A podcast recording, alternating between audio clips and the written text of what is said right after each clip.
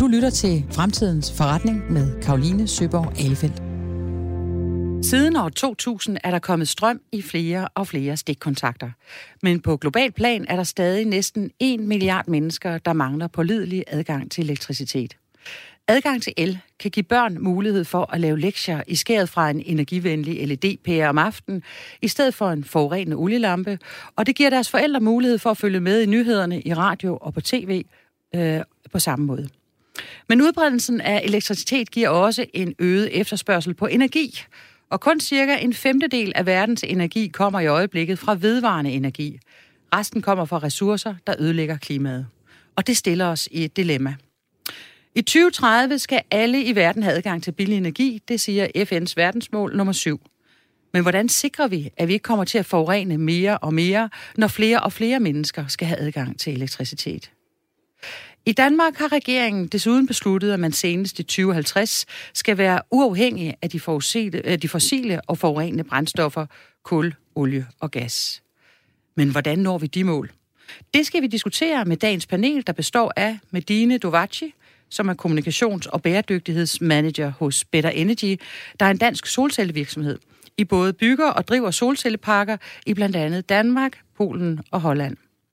Så har vi Iva Ridjan Skov, lektor i energiplanlægning ved Aalborg Universitet. Og endelig Christine Grundet, som er branchechef for vedvarende energi hos Dansk Energi, brancheorganisationen for danske energiselskaber. Du lytter til Fremtidens Forretning på Radio 4. Et program, der stiller skarp på erhvervslivets arbejde med FN's verdensmål for bæredygtig udvikling. Mit navn er Karoline Søborg Alefeldt, og jeg tror på menneskets evne til at vende verdens udvikling. Iva Ridjan Skov, du forsker i fremtidens energiformer på Aalborg Universitet. Hvad er det helt præcis, du forsker i? Um, men jeg arbejder præcis med energiplanlægning og energisystemer til fremtiden. Det er baseret primært med vedvarende energi. Øh, så jeg sidder med en øh, software øh, modellering mulighed, der kigger på, hvordan kan vi faktisk supplere alle energi til danskere i fremtiden med vedvarende energi. Så vi kigger på forskellige energikilder, og vi kigger på potentiale, vi har i Danmark, og så vi prøver at lave en plan, hvordan vi faktisk har 100% vedvarende energisystem i 2050. Og det er et dansk mål. Kan man sige, at det er, er målet med jeres forskning, at, øh, at øh, øh forske i, hvordan vi får 100% vedvarende energi? Ja, det er primært, hvad vi har arbejdet med. Og så jeg kigger også øh, på transportsektor og Power-to-X muligheder til, øh, hvordan vi kobler så meget vedvarende energi og øh, variabel vedvarende energi med øh, lagring teknologier, så vi kan få øh, brændstof og øh, varme på den måde også i systemet. Nu brugte du et meget, meget spændende udtryk der, der hed Power to X. Det tænker jeg godt må blive oversat til vores øh, nysgerrige lyttere. Kan du forklare, hvad Power to X er? Ja, Power to X er teknologi, hvor vi lærer vores el i forskellige former af energi. Der kan være øh, flydende brændstof, der kan være gas, der kan være varme. Og nogle gange vi også bruger det der udtryk, hvis vi siger bare at bruge elbiler øh, i transport. Men det er primært øh, læring af el til gas, flydende brændstof og så varme. Og hvad er det problemet med det der Power to X er? Der er et eller andet tab, ikke, når man oversætter den ene energiform til den anden. Ja, det er selvfølgelig rigtigt. vi taber lidt, uh, men uh, når vi kigger på uh, fremtidens energisystemer, så hvis vi bare kigger på nuværende energisystemer, måske ikke i Danmark, for vi, vi er ret gode, og vi er bare skridt frem i forhold til måske resten af verden. Uh, vi har elfleksibilitet på vores brændstofside, så hvis vi har, skal have, producere mere el, så vi bruger lidt mere kul eller lidt mere biomasse, og så producerer vi med mere el og sammen med varme.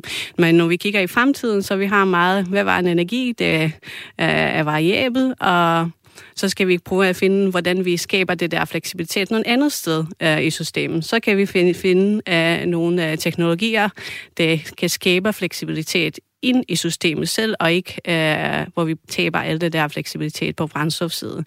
Og det er selvfølgelig forskellige teknologier, vi kan bruge. Det er varmepumpe, det er øh, det er en del af det der Power-to-X-koncept.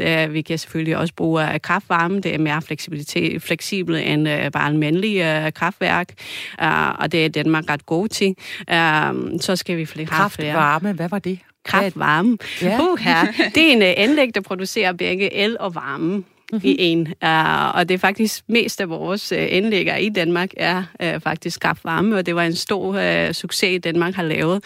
Uh, og det var stor hjælp, uh, hvis vi, når vi har startet en lidt vind uh, møller i vores system, at have noget mere fleksibelt system. Så vi har skiftet fra kraftværker, det har produceret kun el, til kraftvarme, det har produceret begge, og det er lidt mere effektiv teknologi. Hvis vi lige prøver at zoome ud øh, og kigger på selve verdensmålet, øh, verdensmål nummer syv. Øh, hvilke lande er så kommet længst i overgangen fra sort til grøn energi, og hvor står Danmark henne? Ja, øh, det er faktisk overraskende liste. Altså hvis vi kigger kun øh, på EU, så Danmark klarer sig meget fint. Selvfølgelig det er Sverige og Finland og øh, Norge, som ikke EU med, øh, mellem, men øh, Norge selvfølgelig har meget vandkraft. Men det er meget, når vi kigger på verdens øh, videre, så, så det er overraskende. Det mange lande faktisk, der har vandkraft og det er også diskussion, altså hvor, hvor bæredygtig er vandkraft i store øh, former, øh, i store skala. Men øh, for eksempel, altså bare Albania, den producerer 100% øh, energi fra vandkraft, hvis vi glemmer øh, nogle gange, hvor det, hvis, hvis vi skal importere noget. Så det er fra øh, Island øh, selvfølgelig. Så det er noget, der lander i Sydamerika, som Costa Rica. Øh, men øh, det er også faktisk en øh, del byer, det har klar, det klarer sig meget fint. Øh, i, og det er faktisk 100 byer, der får nu mindst 70 procent af deres elektricitet fra vedvarende energi i hele verden. Er det nogle af de byer, der er medlem af C40? Altså, ja. ja. Og C40 er, er jo sammenslutningen af byer i verden, der har besluttet sig for at blive bæredygtige og leve op til FN's Ja, nogle af dem er, nogle er, nogle ja. er ikke, men øh, det tænker jeg nok, det bliver på nogen tidspunkt, øh, selvfølgelig. Men øh, Danmark øh, klarer sig meget fint. Vi har nået vores mål. Vi har ambitioner ambition øh, til at være endnu bedre. Uh, vi kan diskutere, øh, hvor meget, øh, hvor er vi lige nu, og, og hvordan øh, vi skal nå det der mål. Uh, men øh, jeg har kommet fra Kroatien til Danmark, fordi jeg har studeret energi, og det var den øh, mekka, vil man sige, i forhold til energisystemer og omsætning øh, til hvad var en energi. Det var Danmark, og det er jeg faktisk også, hvorfor jeg sidder her også i dag, fordi jeg synes, det var en øh, bedste sted at være, uh, som en, der arbejder i den der branche, uh, fordi vi har vi er ambitiøse, vi uh, lyder ikke nogen gange uh, helt, uh, fordi vi vil bare gerne uh, nå nogle ting. Uh, så jeg synes, uh, Danmark klarer sig fint. Vi kan gøre bedre, og selvfølgelig mange ting, og det skal vi arbejde på, men... Uh, Øh Uh, Iva Ritjanskov, tak for det. Det er vi jo glade for at høre. Uh, men uh, lige her, inden vi skal videre til de andre i panelet, så kunne jeg godt tænke mig, at vi lige zoomede lidt ud og spurgte os selv, hvornår bliver grøn energi så billigt, at de fattigste lande, altså lande i Afrika for eksempel, der ikke allerede har en fungerende og stabil energiforsyning, hvornår kan de bare springe sort energi over og hoppe direkte til grøn energi? Bliver det muligt at forestille sig? I bliver overrasket, men allerede i dag er vind- og solkraft billigere end alle øh, sorte øh, energikilder. Øh, øh, så, så det kan ske allerede i dag. Øh, det er en, en anden kamp, vi skal tage øh, i fattige lande og i generelt i nogle lande, der har ikke lavet så meget i forhold til vedvarende energi, og det er øh, pres fra fossile brændstof og branche øh, og lobbyism. Og selvfølgelig, når vi, vi, hvis vi ikke kigger på alle det der øh, penge det, og støtte det i fossile øh, branche, og det bliver man virkelig overrasket, hvor høj er det der investeringer og, og støtter i forhold til bare vedvarende energi, så kan vi nå langt øh, frem. Men det er mange forskellige muligheder i fattige lande, og jeg synes, det er innovation og forskellige måder at skabe øh, energi i, i øh, i fattige lande er faktisk øh, ret spændende emne, og det er mange øh, startups, der, der gør mange øh, forskellige interessante øh, ting øh, til at faktisk producere el, øh, hvor det er ikke koblet af med net, og det er deres primært problem øh, i mange steder. Øh, Christine Grunde, du er jo branchechef hos øh, Dansk Energi. Hvor ligger efter din mening det største fokus hos de danske energiselskaber lige nu? Det ligger forskellige steder, men, men først og fremmest så er vi jo rigtig optaget af, at øh, det, der skal til for, at øh, vi kan komme i mål med 70 målsætningen, det er, at vi skal have af med de fossile brændsler. Og vi har ikke ret meget tilbage i el- og varmesektoren, altså den sektor, vi direkte kan gøre noget ved. Men vi har ikke fået sat, sat rigtig skub i elektrificering i de andre sektorer. Der er nogle sektorer, der her halter bagud, altså transportsektoren, industrien og til dels også opvarmningen. Og dem skal der simpelthen sættes mere strøm til, øh, fordi, som der også lige blev sagt, så har vi faktisk teknologierne. Den grønne strøm er billigere end den fossile, så vi skal nok sørge for at få etableret rigeligt med den, hvis bare, at der er en efterspørgsel. Og det kræver simpelthen, og det er der, vi har rigtig meget af vores fokus, det er, at vi skal have sat gang i den direkte elektrificering. Bilerne, de skal simpelthen på strøm.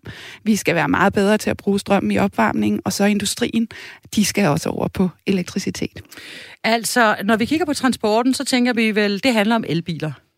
Så den er sådan til at tage at føle på, kan man sige. Det handler egentlig ikke kun om elbiler. Det handler jo for langt den største del, ja, så handler det om elbiler, men vi har jo også andre transportformer, øhm, som skibe, som fly, som den tunge transport, hvor det ikke nødvendigvis lige er så let at få sat strøm på det. Og der skal vi bruge noget af de her andre teknologier, netop det, som vi snakkede om, Power to X, altså få lavet nogle nye brændstoffer, som de kan bruge, og som, hvor vi kan bruge den grønne strøm der også. Altså, jeg har hørt, at der er, er, er nogen, der udvikler et nyt øh, flybrændstof, som øh, ikke forurener. Er det noget, du kender noget til?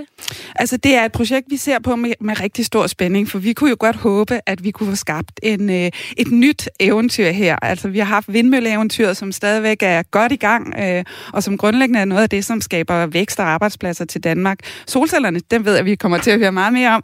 Øh, de er også ved at, at komme i gang, og det her med at lave nye brændstoffer og bruge den grønne strøm, for vi har en kæmpe øh, ressource. Vi er et af de lande, hvor vi kan sætte havvind op allerbilligst. Så den den, den ressource skal vi selvfølgelig bruge, og den kan vi så netop bruge til at lave nye brændstoffer og måske starte et nyt erhvervseventyr. Det synes jeg er rigtig spændende, og det er jo et emne, vi rigtig gerne vil diskutere her i Fremtidens Forretning, fordi det handler jo faktisk om erhvervslivets omstilling til bæredygtig øh, øh, økonomi og erhverv. Så hvordan, øh, hvad skal der til, øh, hvis du nu skulle gå ind og hjælpe regeringen med at tilrettelægge øh, eller lægge øh, øh, rammerne ud for, hvordan man kunne lave et nyt eventyr for for eksempel den her slags ikke-forurenende flybrændstof, øh, på samme måde som man har støttet vind. Hvad vil du så anbefale, at man gjorde? Altså, for det første en fokuseret forskningsindsats, fordi vi er stadigvæk her, og der er nogle teknologier, som måske er lige ved at være der, altså lige ved at være markedsklar. Så vi skal have nogle, nogle midler i forhold til, så vi kan være helt sikre på, at de kan tage det her spring over i markedet. Øh, og så skal vi måske også have en regulering, som kan understøtte det. Det kunne være iblandingskrav, øh, eller noget af den stil. Iblandingskrav? Iblandingskrav, ja. ja så noget af, at, at vi siger, at en del af brændslet, det skal simpelthen simpelthen komme fra de her nye brændstoffer. Så man skaber et marked, så at sige, ved at sige, at sådan en stor andel her, der, det skal i brændslet fremover. Ja. Så det vil være et, et direkte forslag, man kunne kigge nærmere på. Og subsidier, som man har gjort med øh, vindeventyret, er vel også en vej frem? Det er også en vej frem, men her en iblanding er faktisk en, en indirekte subsidie, så at sige, hvor du så skaber en efterspørgsel, og så hvis vi kan levere brændstoffer, så vil det jo naturligvis, øh, vil man sørge for, at, at man understøtter, at det her marked, det udvikler sig. Men, men direkte støtte kan også godt være, at det er den vej, vi skal kigge på. Mm-hmm. Spændende. Jeg håber, der er nogle politikere, der lytter med derude, fordi nye spændende eventyr, som øh, også som både skaber et, øh, et, øh, et nyt erhvervseventyr, men også skaber øh, en, en bæredygtig verden, er vi jo øh, super interesserede i, når tingene kan gå hånd i hånd. Øh, Christine, øh, når du nu kigger på regeringens målsætning omkring det her 70 procent øh, reduktion, øh, hvad er så øh, det, der skal til, når vi kigger på opvarmning og på industrien? Altså, hvor er det, vi skal gøre en ekstra indsats vi skal gøre noget i forhold til, at øh, de skal kunne se, altså det er, jo, det er jo vores kunder, så at sige, så de skal selvfølgelig kunne se, at der er en mulighed for øh, at kunne komme over på de her løsninger, hvor man bruger den grønne strøm frem for et andet alternativ. Så har vi også en kæmpe udfordring i øjeblikket med, at, øh, at vi skal have udbygget og investeret i vores infrastruktur. Øhm, og det, det er sådan set både det net, der står der, altså de her master, der står, som transporterer strømmen fra vindmøllen, solcellen og frem til til en virksomhed eller frem til en bil. Øh, vi har også en ladeinfrastruktur, som skal bygges op, fordi jeg er ret sikker på, at folk har ikke lyst til at køre elbiler, hvis ikke de kan få dem lavet op. Og jo flere elbiler vi får på vejene, og dem skal vi have mange, mange flere af, desto flere muligheder for at lade op, skal vi jo også have. Så der er en infrastruktur der, vi skal have underbygget.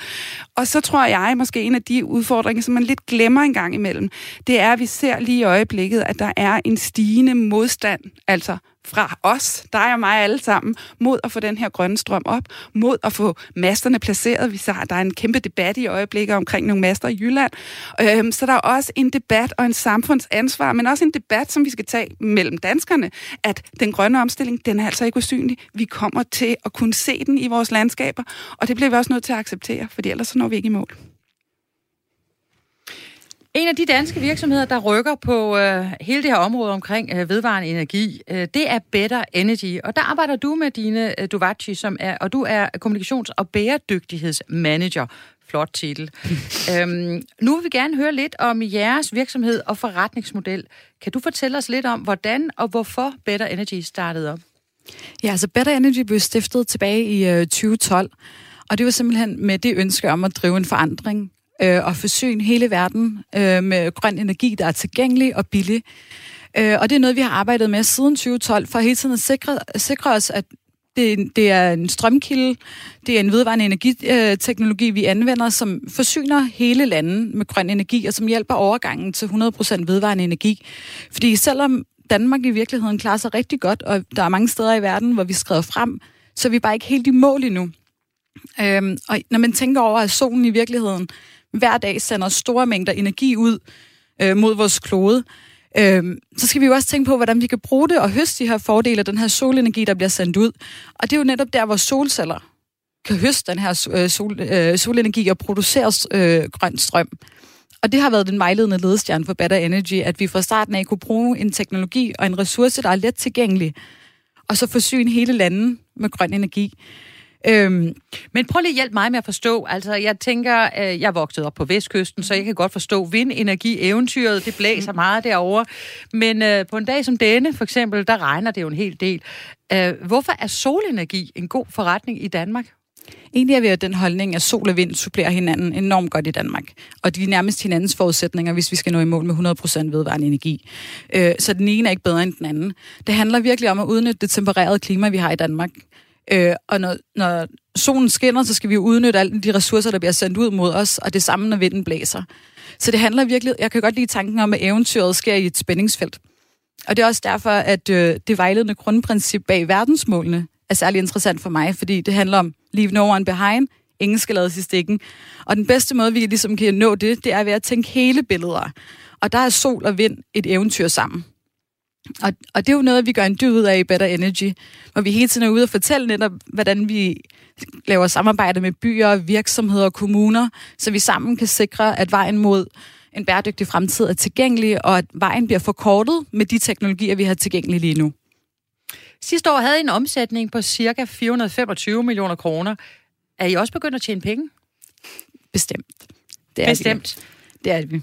Det kan jeg godt love dig for. øh, altså bare, bare vores omsætning har affødt en, øh, en bundlinje på godt og vel 65 millioner kroner. Øh, og den måde, vi egentlig forvalter vores penge nu, det er virkelig ved at investere i forskning og sørge for, at vi har fingeren på pulsen med de nyeste teknologier og de mest bæredygtige løsninger, så vi faktisk kan levere en kompakt pakke. Øh, vi leverer jo grøn strøm til nogle, øh, nogle af de største virksomheder i Danmark, og nogle af dem, der har størst operationel aktivitet. Og der er det jo alt afgørende, at vi kan levere en pakke, der gør, at de også når i mål med deres respektive verdensmål. Øh, nu nævnte du selv verdensmål 7, og jeg tror, hvis du har spurgt et universitet, så vil de sige, at quality education er et vejledende, mål nummer 4 er den vejledende ledestjerne. I Better Energy er vi jo ret sikre på, at mål 7 er forudsætningen for alle de andre mål. Øh, så når vi laver et samarbejde med bestseller, så har de et fokus på mål 12 om bæredygtig øh, forbrug, og der skulle du ligesom bruge mål 7 om at komme ind i, øh, for at komme ind i, øh, for at nå, nå i mål i virkeligheden. Øh, og det er der, hvor jeg sådan, nu har jeg fulgt verdensmålene fra starten af, jeg har arbejdet med dem siden 2015, og vi er stadig i overskrifterne. Og det er dybt problematisk, men når vi ligesom går ud og laver aftaler med store virksomheder, som vi kan levere strøm til, så kommer vi helt ind i maskineriet, der hedder verdensmålene og de 169 delmål. Øh, og det er noget, jeg synes er særligt interessant i forhold til fremtidens forretning. Fordi i bund og grund handler fremtidens forretning om at kunne accelerere den grønne omstilling. Og der har vi jo brug for os alle sammen. Og der kan vi jo ikke gøre det alene. I indgik for to måneder siden en øh, aftale om at levere grøn energi til Christian Hansen, ja. en af de store danske virksomheder. Øh, cirka samtidig lavede I også en aftale med Google om at levere strøm til deres kommende datacenter her i landet. Øh, når I laver aftale om at levere energi til en dansk virksomhed, hvad er det så helt præcis, den aftale går ud på? Ja, i virkeligheden, altså det hedder jo uh, Power Purchase Agreement på, på engelsk. Øhm, på dansk kan vi kalde det en elhandelsaftale, øhm, som i bund og grund altså udtrykket dækker over langtidskontrakter øhm, om køb og salg af el fra solcelle- eller vindmølleparker. Øhm, og det sikrer virksomheder med grøn strøm til en fast pris over en given periode. Øh, og når vi ligesom er ude af i tale, så power purchase agreements eller el- elhandelsaftaler, så snakker vi faktisk om en, en, øh, en øh, mindre vej. Vi har gjort vejen kortere for, at virksomheder kan træffe det rigtige valg og vælge den rigtige energiforsyning til. Øhm, og særligt med Christian Hansen, der er det helt unikke i det, at det er jo Christian Hansen, der laver en aftale med Better Energy, men samtidig er de med til at øh, tilføre ny strøm til det danske elnet. Og for mig at se, at det er jo en unik historie, når to danske virksomheder mødes i et spændingsfelt øh, og kan være med til at accelerere den grønne omstilling og bidrage til, at elnettet bliver grønnere.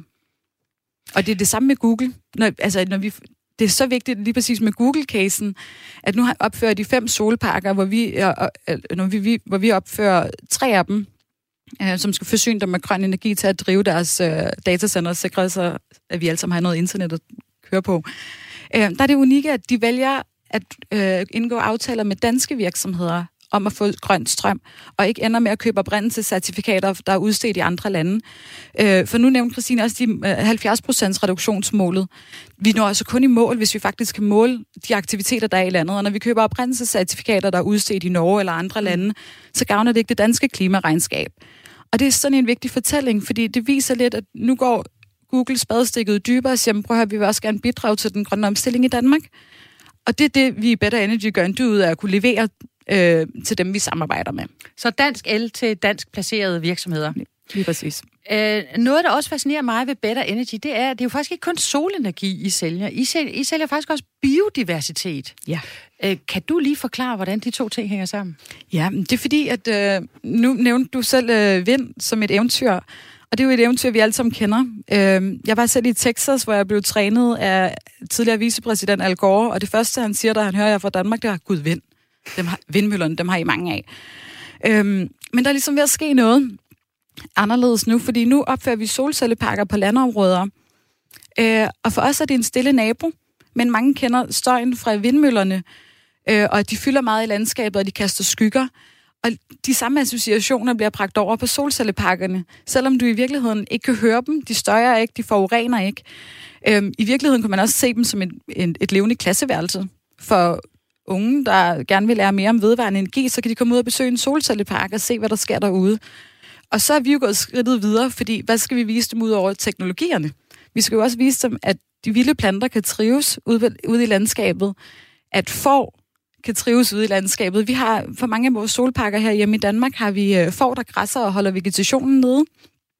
Øh, det mindsker nogle af øh, de operationelle omkostninger for os og vedligeholdelsesomkostningerne. Og samtidig får fårene bare et lækkert miljø at være i. De kan søge lag fra, i, øh, fra solen, eller hvis det regner. Øh, og det gavner også bare deres generelle helbred, så det er også et spørgsmål om folkesundhed. Øh, og nogle af de initiativer, det er noget, vi løbende igen vender tilbage til. Hver gang vi er ude at vælge en, øh, et jordområde, så, så laver vi en miljøvurdering, hvor vi finder ud af, hvordan er det, vi kan fremme biodiversiteten og sikre os, at man stadig også på nogle om, af områderne kan dyrke øh, efter økologiske principper, øh, og at vilde planter trives. De skal selvfølgelig ikke skærme øh, solcellerne, fordi der skal produceres grøn energi. Men øh, ja, det er en af initiativerne. Du lytter til Fremtidens Forretning med Karoline Søborg Alefeldt. I Fremtidens Forretning i dag taler vi om omstillingen fra sort energi til grøn energi. Det er altså fra olie, gas og kul, øh, men også til atomkraft, sol- og vindenergi samt biomasse. I 2030 skal alle i verden have adgang til billig energi. Det siger FN's verdensmål nummer øh, 7. Men hvordan sikrer vi, at vi ikke kommer til at forurene mere og mere, når flere og flere mennesker skal have adgang til elektricitet? Det diskuterer jeg i dag med et panel bestående af Medine Dovaci fra Better Energy, der er en dansk solcellevirksomhed, Iva Ridjan Skov, som er lektor i energiplanlægning ved Aarhus Aalborg, uha, Aalborg Universitet er det, og Christine Grundet, branchechef for vedvarende energi hos Dansk Energi, brancheorganisationen for danske energiselskaber. Vi skal øh, jo nu øh, videre med øh, øh, det her spørgsmål, der handler om, hvordan udvikler de danske energiselskaber sig frem mod 2030, Christine Grunde? Kan du sige lidt med det? Altså, jeg, jeg tror egentlig, de fortsætter på den rejse, de allerede er. Øh, og grundlæggende, det vi kan se, det er, at, øh, at der er et, et totalt fokus på at være grønne og blive endnu grønnere, så at sige. Men de har egentlig for lang tid siden set, at det her, det var fremtiden. Øh, og det vi ser nu, er ikke bare, at øh, flere og flere bliver interesseret i at etablere vindmøller, men i stigende grad også solceller. Øh, vi ser, at øh, vi får flere aktører, ikke bare dan- altså både danske og udenlandske, som også øh, kigger på Danmark som et interessant marked og, øh, og stille vind og sol op i. Og så ser vi heldigvis jo også, at rigtig mange af vores danske virksomheder også finder ud af, at øh, de kan bruge de her kompetencer og, og den viden, vi har øh, fra et land, som var ret hurtigt til at se, at øh, grøn energi, det var det, vi skulle bygge, øh, i hvert fald en stor del af Danmark på, øh, til at de også kan sælge deres teknologi i udlandet. Atomkraft er jo også en vedvarende energiform. Hvad er jeres holdning til atomkraft? Altså man kan spørge sig selv, om det er en vedvarende energi. Man kan i hvert fald sige, at den er, den er CO2-neutral. Øh, den udleder ikke øh, CO2. Øhm, og helt grundlæggende, så, så, så er vi ikke, tror vi ikke på, at det er en fremtid, øh, vi kan se for os i Danmark. Helt af den simple grund, at det er alt for dyrt. Øh, fordi sol og vind har for længst overtaget, og det er der, vi har vores kompetencer. Så det er ikke noget, vi skal satse på i Danmark. Øhm, hvis vi kigger på det et lidt større billede, så synes vi, at, øh, at Øh, netop når vi kigger på klimaet og den udfordring, vi står overfor, og at det ikke udleder CO2, så synes vi, det er vigtigere, at man tager fokus på at få udfaset kullet, som er det mest svinende brændsel, hurtigst muligt. Og derfor er vi faktisk også en lille smule ærgerlige over, at Tyskland blandt andet har besluttet sig for, at de vil udfase atomkraft, altså de eksisterende værker, de har stående, før de vil kigge på brunkullet. Øhm, så, så der vil helt klart være en anbefaling herfra at sige, nej, nej, I, vi skal løse den klimaudfordring, de det, der er en presserende udfordring. Hold atomkraften indtil, at vi har udfaset kullet. Klar tale. Iva Ridjan Skov, øh, du forsker jo netop i omstillingen fra sort til øh, grøn energi øh, og med fokus på transportsektoren. Vi er mange, der har en drøm om færre biler på fossilt brændstof. Hvor realistisk er det, at vi får udskiftet vores bilpark hjemme? Hvad siger, hvad siger din forskning? Jamen, øh, når vi kigger på transportsektor, så er det vigtigste, at vi elektrificerer så meget som muligt, fordi den er mest effektiv, effektiv måde at øh, løse transportproblemer. Altså, transportsektor har ikke noget så meget frem øh, i forhold til andre sektorer, fordi det er simpelthen alt for kompleks. Det er virkelig meget øh, forskellige måder, øh, vi bruger øh, transport, øh, og forskellige biler, lastbiler, øh, skibe, øh, fly. Det er virkelig mange forskellige øh, typer af transport øh, vi, vi har i dag. Og det er ikke en løsning til transportsektoren. Uh, øh, hvor vi kigger på persontransport, så er det helt klart elbiler, og vi har brug for meget, meget flere, end vi har i dag. Desværre Danmark synes jeg ikke er særlig god uh, uh, i forhold til nogle andre lande, også bare nabolande, hvis vi uh, kigger på Norge. Uh, men det kommer. Uh, det er, skal være positivt, uh, fordi det er eneste uh, løsning til persontransport. Uh, det er dyrt i dag. Uh, selvfølgelig biler i Danmark er dyrere end der er andre steder. det kender vi godt. Øhm, men øh, det er også andre øh, ting, der skal fokusere på, og det er også delebiler, det er øh, at udvikle infrastruktur, øh, vi mangler i dag. Så, så når vi tænker om, øh, at øh, allerede i, i år og i næste år, der er mange flere modeller elbiler, der kommer til markedet, og det var ikke faktisk særlig bred, øh, øh, øh, at vi kunne ikke vælge særlig mange forskellige elbiler, og mange har snakket kun om Tesla, og jeg altid siger, at jeg elsker Tesla, og det er en fantastisk øh, bil, men det er en bil, der er en, der vi køber Audi, vi køber også en Tesla. Det er ikke en hverdags øh, øh, bil. Det er desværre ikke en hverdagsbil, nej. Nej, nej. det, det var det. Nej, desværre. Ja, men øh, det, det kommer, og det er, det er bare, at, øh, at vi kigger på forskellige støtter, og vi kigger på, hvordan kan vi øh, belaste øh, ombelaste øh, øh, mennesker til at ikke bruge så mange penge til elbiler, fordi de skal investere i det øh, som, øh, som bruger. Vi havde i øh, det første program herinde også en forsker, der, der talte om øh, transport, og vi havde en øh, historie med om Norge, som jo er øh, meget, meget længere fremme med elbiler, end vi er herhjemme, fordi der ikke har været nogen slinger i valsen. Det lærte jeg i hvert fald den dag. Øh, og med slinger i valsen menes der, at det har vi i Danmark. Vi har givet incitamenter og støtte, og så har vi trukket det tilbage igen, hvilket jo gør, at vi bliver en lille smule usikre på det der med, om man skal investere i en elbil, om det er en Tesla eller ej. Er du enig i den betragtning? Ja, helt klar. Øh, det er også mine kollegaer, så øh, kan ikke...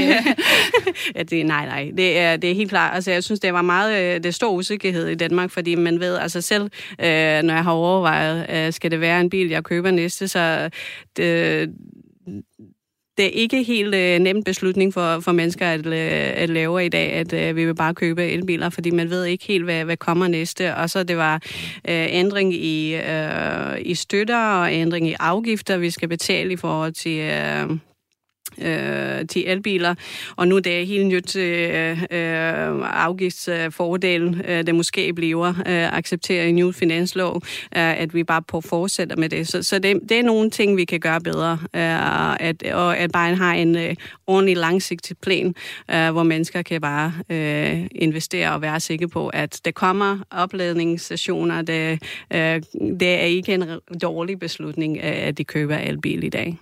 Vi lader den opfordring gå videre, hvis der er nogle politikere, der sidder og lytter med derude. Det kunne også være nogle driftige erhvervsfolk, som er klar over, at vinden blæser i denne retning. øh, og øh, Christine Grundet, øh, når vi nu snakker om vind, øh, den 15. september for to måneder siden, der blev hele Danmarks elforbrug for første gang udelukket dækket, øh, udelukkende dækket af vindenergi i et helt døgn. Hvornår begynder vi at se det ske oftere? Jamen, det kommer jo lidt an på os. Øh, ja, det kommer selvfølgelig an på, hvor mange vindmøller vi får lov til at stille op, eller hvor mange vindmøller vi kan stille op. Øh, og så bliver det jo også et spørgsmål om øh, netop, hvordan vi kan jo ikke spå om vejret altid. Så det spiller faktisk også en rolle, om man har et vindår, eller har det ikke vindår. Øh, men, men jeg tror at vi vil se meget mere af det her. Men jeg tror ikke kun, det vil være vind. Jeg tror også, det vil være sol, fordi vi har faktisk brug for, øh, skal vi nå de her, den her kæmpe store udfordring, øh, vi har med klimaet, så er det ikke én energikilde, vi skal satse på. Så bliver det en række energikilder. Og vi kender måske ikke alle sammen endnu, fordi det mål, der er blevet sat i Danmark, det har vi faktisk også, at vi har de kendte løsninger til at bære sig næsten hele vejen, men ikke hele vejen. Så, så, øh, så jo, jeg tror, at det her, det er helt klart, at vi vil se inden for ganske få år, og vi ved, at bare når vi når til 2030, så vil strømmen, altså der kommer ud af vores, eller ud af vores stikkontakt, den vil være 100% grøn.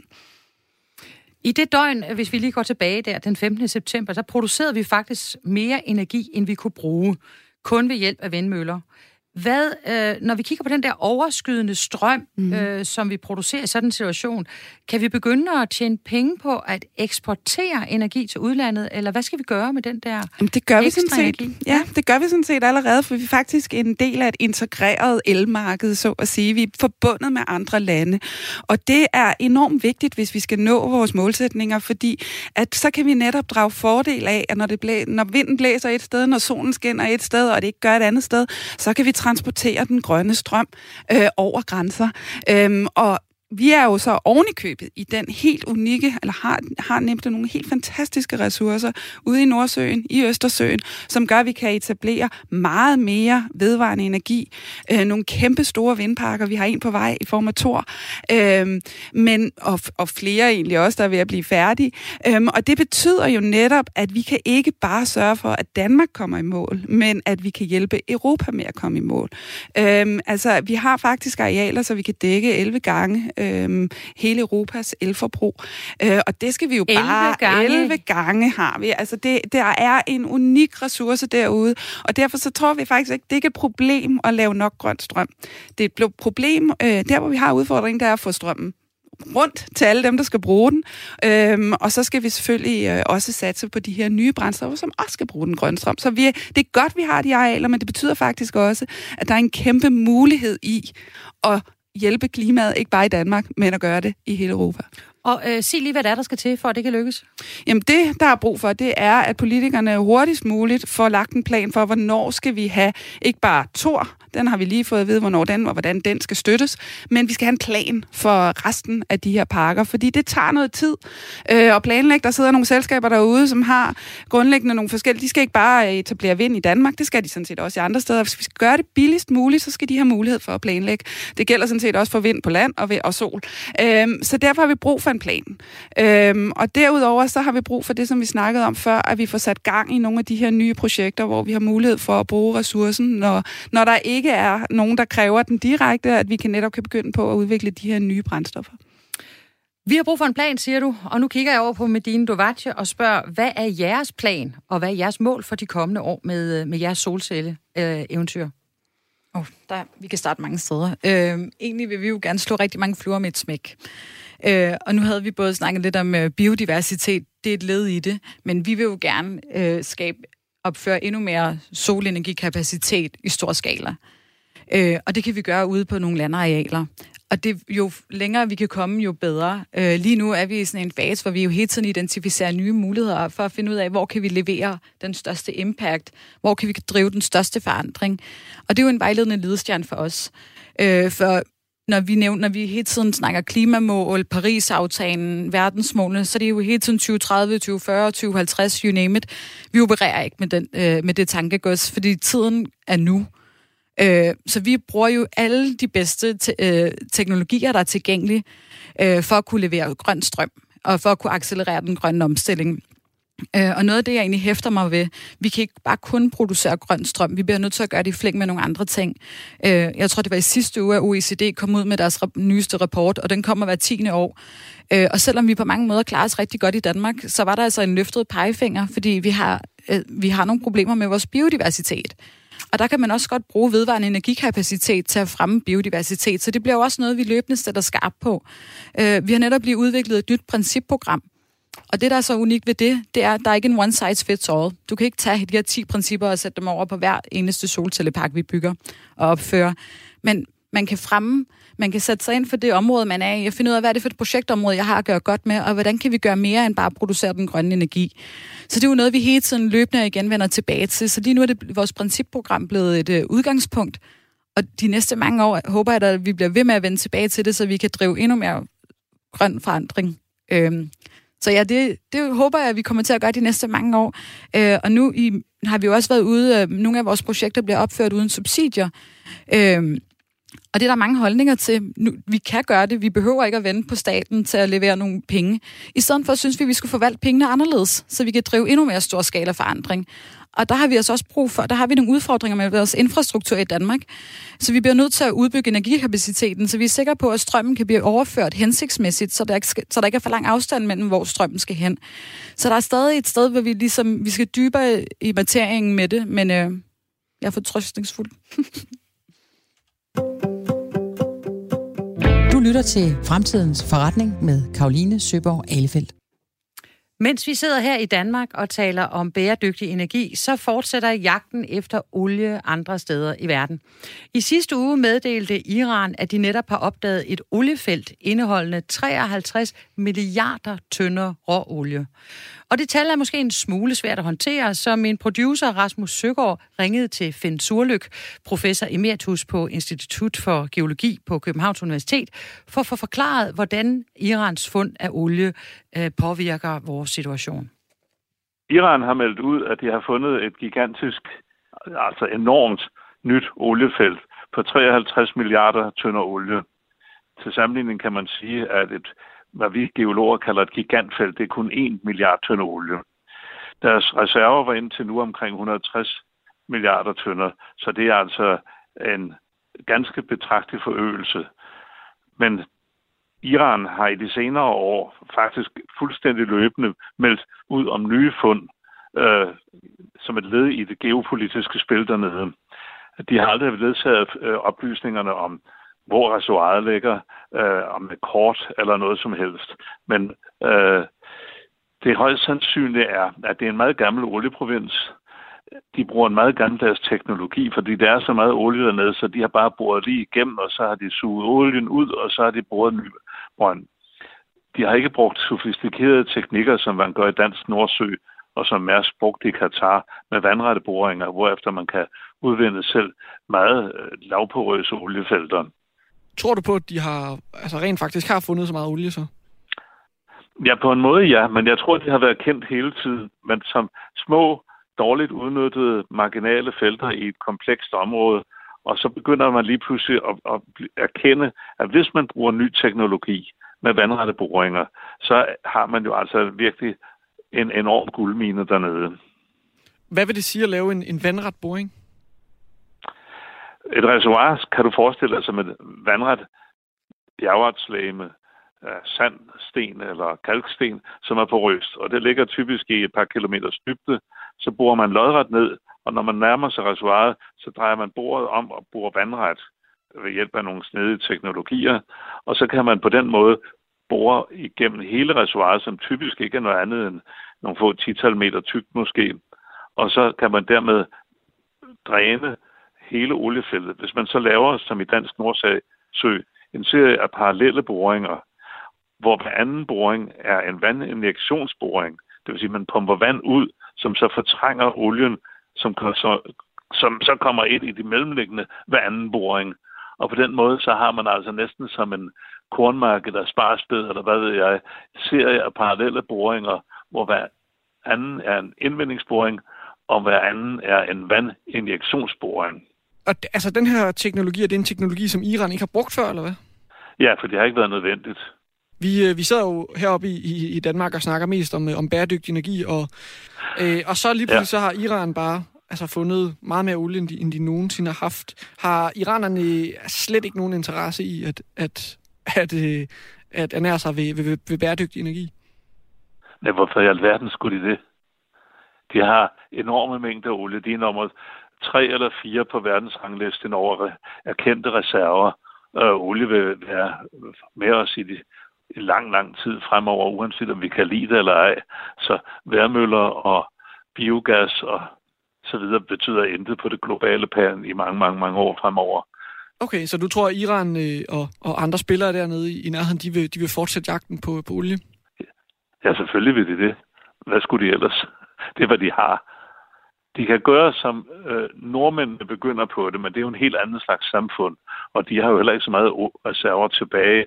Så, øh, så vidt jeg husker, så har de 6 milliarder tønder tilbage, som er kendte reserver. Og vi snakker altså om Iran, der kommer op på et godt stykke over 200 milliarder.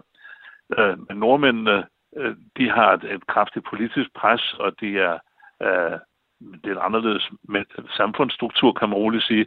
Så de har en interesse i at bruge nogle af deres enorme øh, penge i oliefonden til at, øh, at investere i andre former for energi.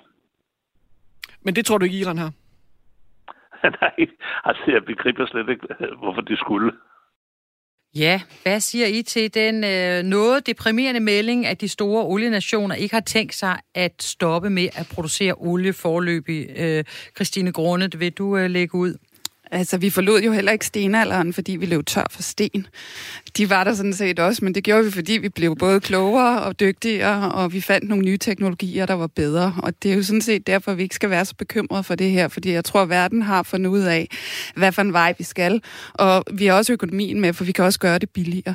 Så jeg er ikke så bekymret for det her. Jeg tror sådan set, at efterspørgselen efter olie, kul og gas vil falde, og derfor så, øh, så skal vind og sol nok slå øh, også oliefælgerne, der bliver fundet. Men det er jo stadigvæk en øh, udfordring at gøre de store nationer mere bæredygtige. Iva Ridjan øh, Skov, hvad skal der til for, at vi får gjort de store nationer mere bæredygtige? Jamen generelt nu, hvor øh, vi er alle enige, at der skal være mere vedvarende energi, så, så, så det er bare at få mennesker til at forstå, øh, at acceptere, at vedvarende energi er den billigste måde at producere energi i dag, og bare at kaste sig i investeringer, øh, der skal gøres. Så, så, så nu det er mere politisk vilje, det skal gøre. Teknologi har gjort øh, mest øh, det kun. Øh, ingeniører har øh, arbejdet hårdt at øh, skabe effektive, øh, effektive teknologier, og at øh, priserne har faldet. Så nu skal det bare forskellige politiske øh, mål og vilje at, øh, at omsætte vores energisystemer øh, til grønne kilder. Og øh, Medine Duvacik, når du øh, øh kigger med Better Energies øjne på sådan en nyhed som den, der kommer her fra Iran, påvirker den så jeres måde at tænke på, eller tænker I, det er bare noget, der sker der? Det har ikke noget med os at gøre?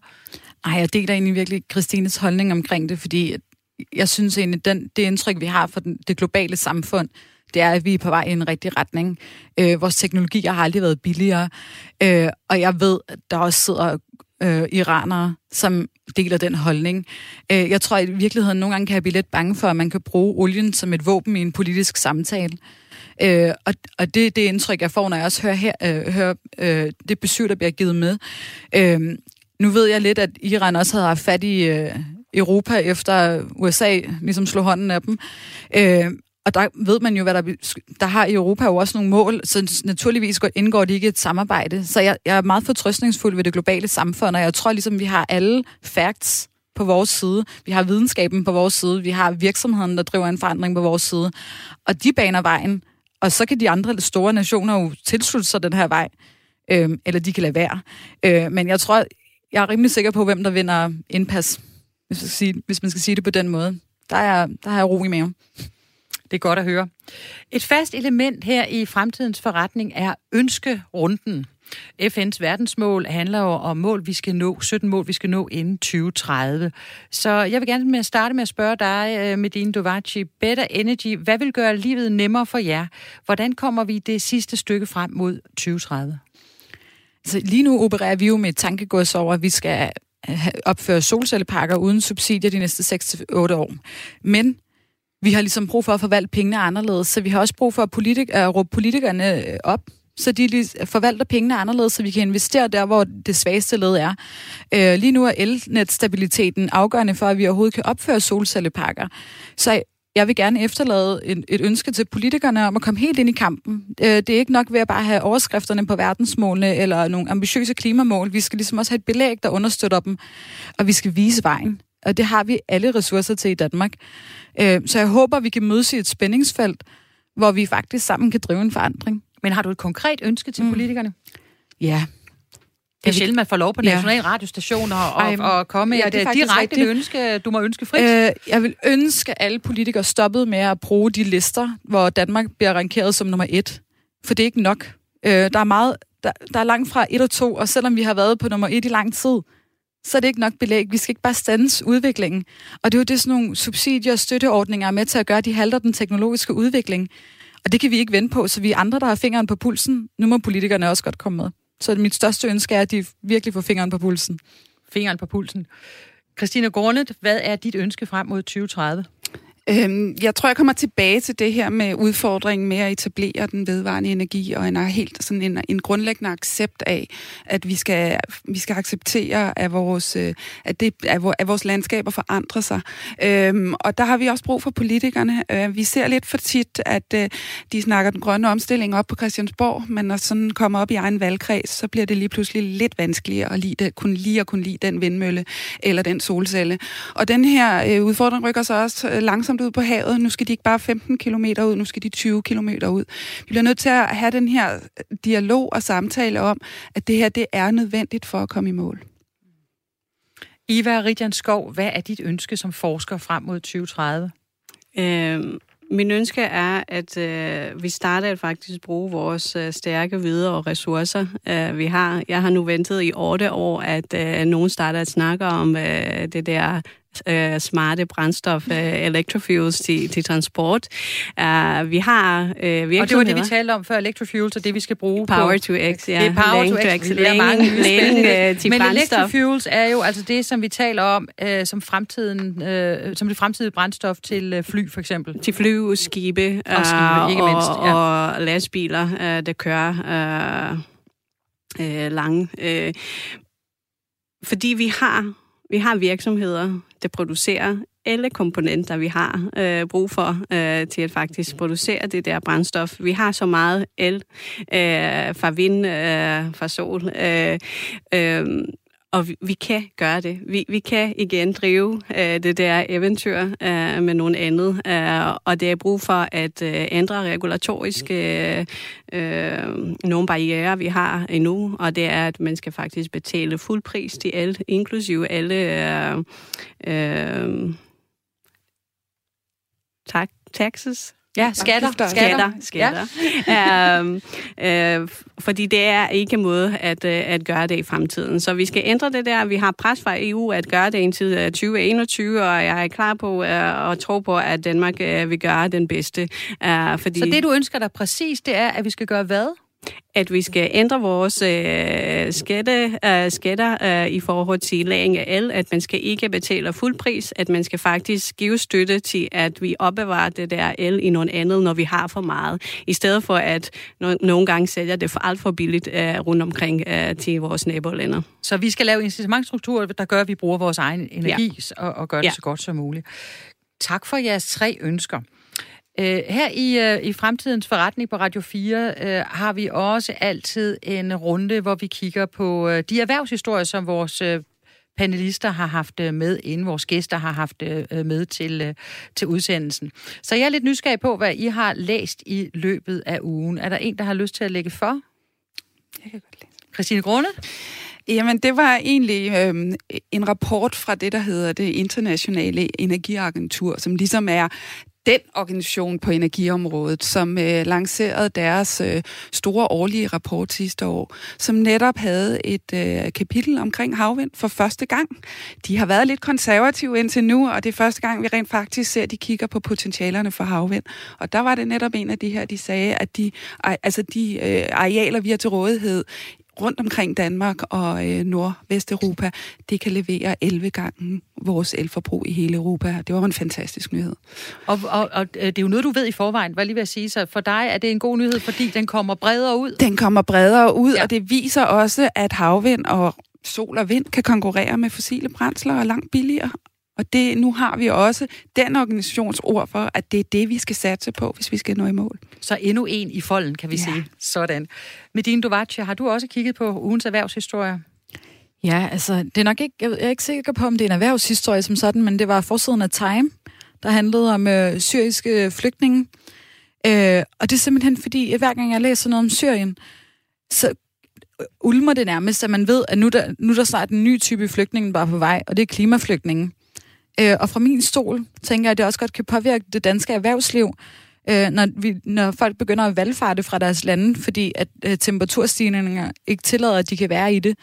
Øh, og det rammer mig lidt, øh, fordi vi har ligesom brug for at nuancere hele billedet omkring øh, de globale anlægner, øh, og vi bliver nødt til at se dem i lyset af erhvervslivet også, fordi vi bliver påvirket, ligesom vi gjorde dengang, at øh, de syriske flygtninge landede på motorvejen. Øh, så det er noget, jeg holder rigtig meget øje med, øh, og jeg synes, Times dækning er helt exceptionel lige for tiden, øh, hvor man virkelig får nuancerne med. Øh, og så er det jo vores opgave bare at se det i lyset af det, det sted, vi selv står. Så ja, jeg tror, det er det, der har været det mest interessante, jeg har læst. Meget, meget spændende. Og du har jo ret, og det er vel også et emne, vi kommer til at kigge nærmere på, nemlig det her med, med klimaflygtning. Det kan være, du lige kan forklare, hvad er en klimaflygtning? En klimaflygtning, det er jo øh, for eksempel i Marokko, der er der tørke i rigtig mange områder, og der, folk, der har de simpelthen ikke øh, økonomiske ressourcer til at blive hængende i landet, og samtidig oplever man, at unge, øh, unge drenge og piger øh, bliver nødt til at blive hjemme fra skole, så det påvirker også deres uddannelse. Så når folk begynder, når, når klimaflygtningen bliver, bliver nødsaget til at finde andre veje, så flygter de jo, fordi at temperaturen øh, kalder på forandring. Og der kan de ikke være i det. Øh, jeg vil også våge at sige, at øh, da det arabiske forår brød ud, der kunne man også godt argumentere, at det skete på grund af klimaet. Øh, der var mangel på jobs, øh, og det gør jo, at en, en tunesisk mand sætter ild til sig selv øh, i protest. Øh, og det gør man, når det er jo en form for afmagt. Øh, og jeg tror bare, at vi kommer til at se flere klimaflygtninge, der, der reagerer på, på deres omlæggende klima, og fordi de simpelthen ikke kan være i det. Og, og når vi taler bæredygtig energi, det, der, det er bare en, øh, det er en ledstjerne for os, fordi det er derfor, vi skal have bæredygtig energi i hele verden øh, og udnytte de ressourcer, vejret giver os, øh, og sørge for, at vi ikke øh, øh, hvad hedder det, varmer kloden mere op end nødvendigt. Øh, så det hele hænger lidt sammen. Øh, og derfor synes jeg bestemt også i det danske medielandskab, at vi skal stille mere skarp på klimaflygtninge. Hvad er det, deres bevæggrunde er? Og hvad er det for nogle klimaer, vi har med at gøre? Ivar Ridjan Skov, hvilken erhvervshistorie har du taget med til os? Øhm, synes, den er øh, spændende en, og måske en øh, stærk øh, besked. Uh, det var sendt fra EU Investeringsbank. Uh, det har lovet, at de stopper støtte til fossile brændstof og fossile kilder og investeringer uh, fra 2021. Og det vil skabe 1 billion uh, euros uh, til investering i vedvarende energi. Og det synes jeg er en... Uh, meget stærk besked af tiden øh, fra EU's side. Fordi selvom vi snakker meget om, at vi skal omsætte vores energisystemer og til vedvarende energi, vi stadig støtter virkelig meget af fossile øh, kilder. Så jeg synes, den er, øh, det tegner på en god øh, skridt frem øh, fra EU's side. Sådan. Tak øh, for disse tre øh, alle øh, ved, vedkommende historier, og, øh, og med dem øh, slutter vi så øh, fremtidens forretning for i dag. Tak til mine gæster, Medine Dovaci, kommunikations- og bæredygtighedsmanager hos Better Energy. Tak til Iva Ridjan Skov, lektor i energiplanlægning ved Aalborg Universitet. Og sidst men ikke mindst, tak til Christine Grunde, som er branchechef for vedvarende energi i Dansk Energi, brancheorganisationen for danske energiselskaber. Programmet her kan genhøres i aften kl. 19.05 her på Radio 4, og ellers er jeg tilbage på næste torsdag med et nyt program, der stiller skarp på erhvervslivets arbejde med FN's verdensmål for bæredygtig udvikling. Mit navn er Karoline Søborg Alefeldt. I redaktionen er Rasmus Søgaard og Lene Jul. Tak for i dag.